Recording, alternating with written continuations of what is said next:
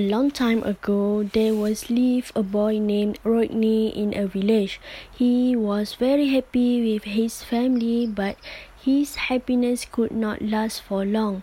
Rodney and his fellow villagers faced a severe drought.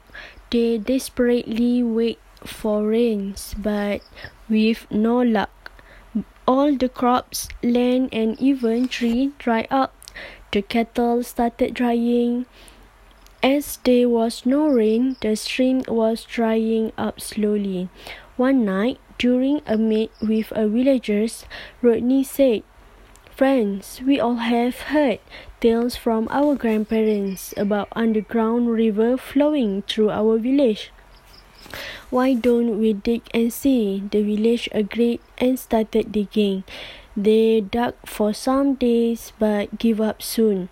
However, Rodney kept on digging. When people told him to give up, he said, God is blessing and guiding my way.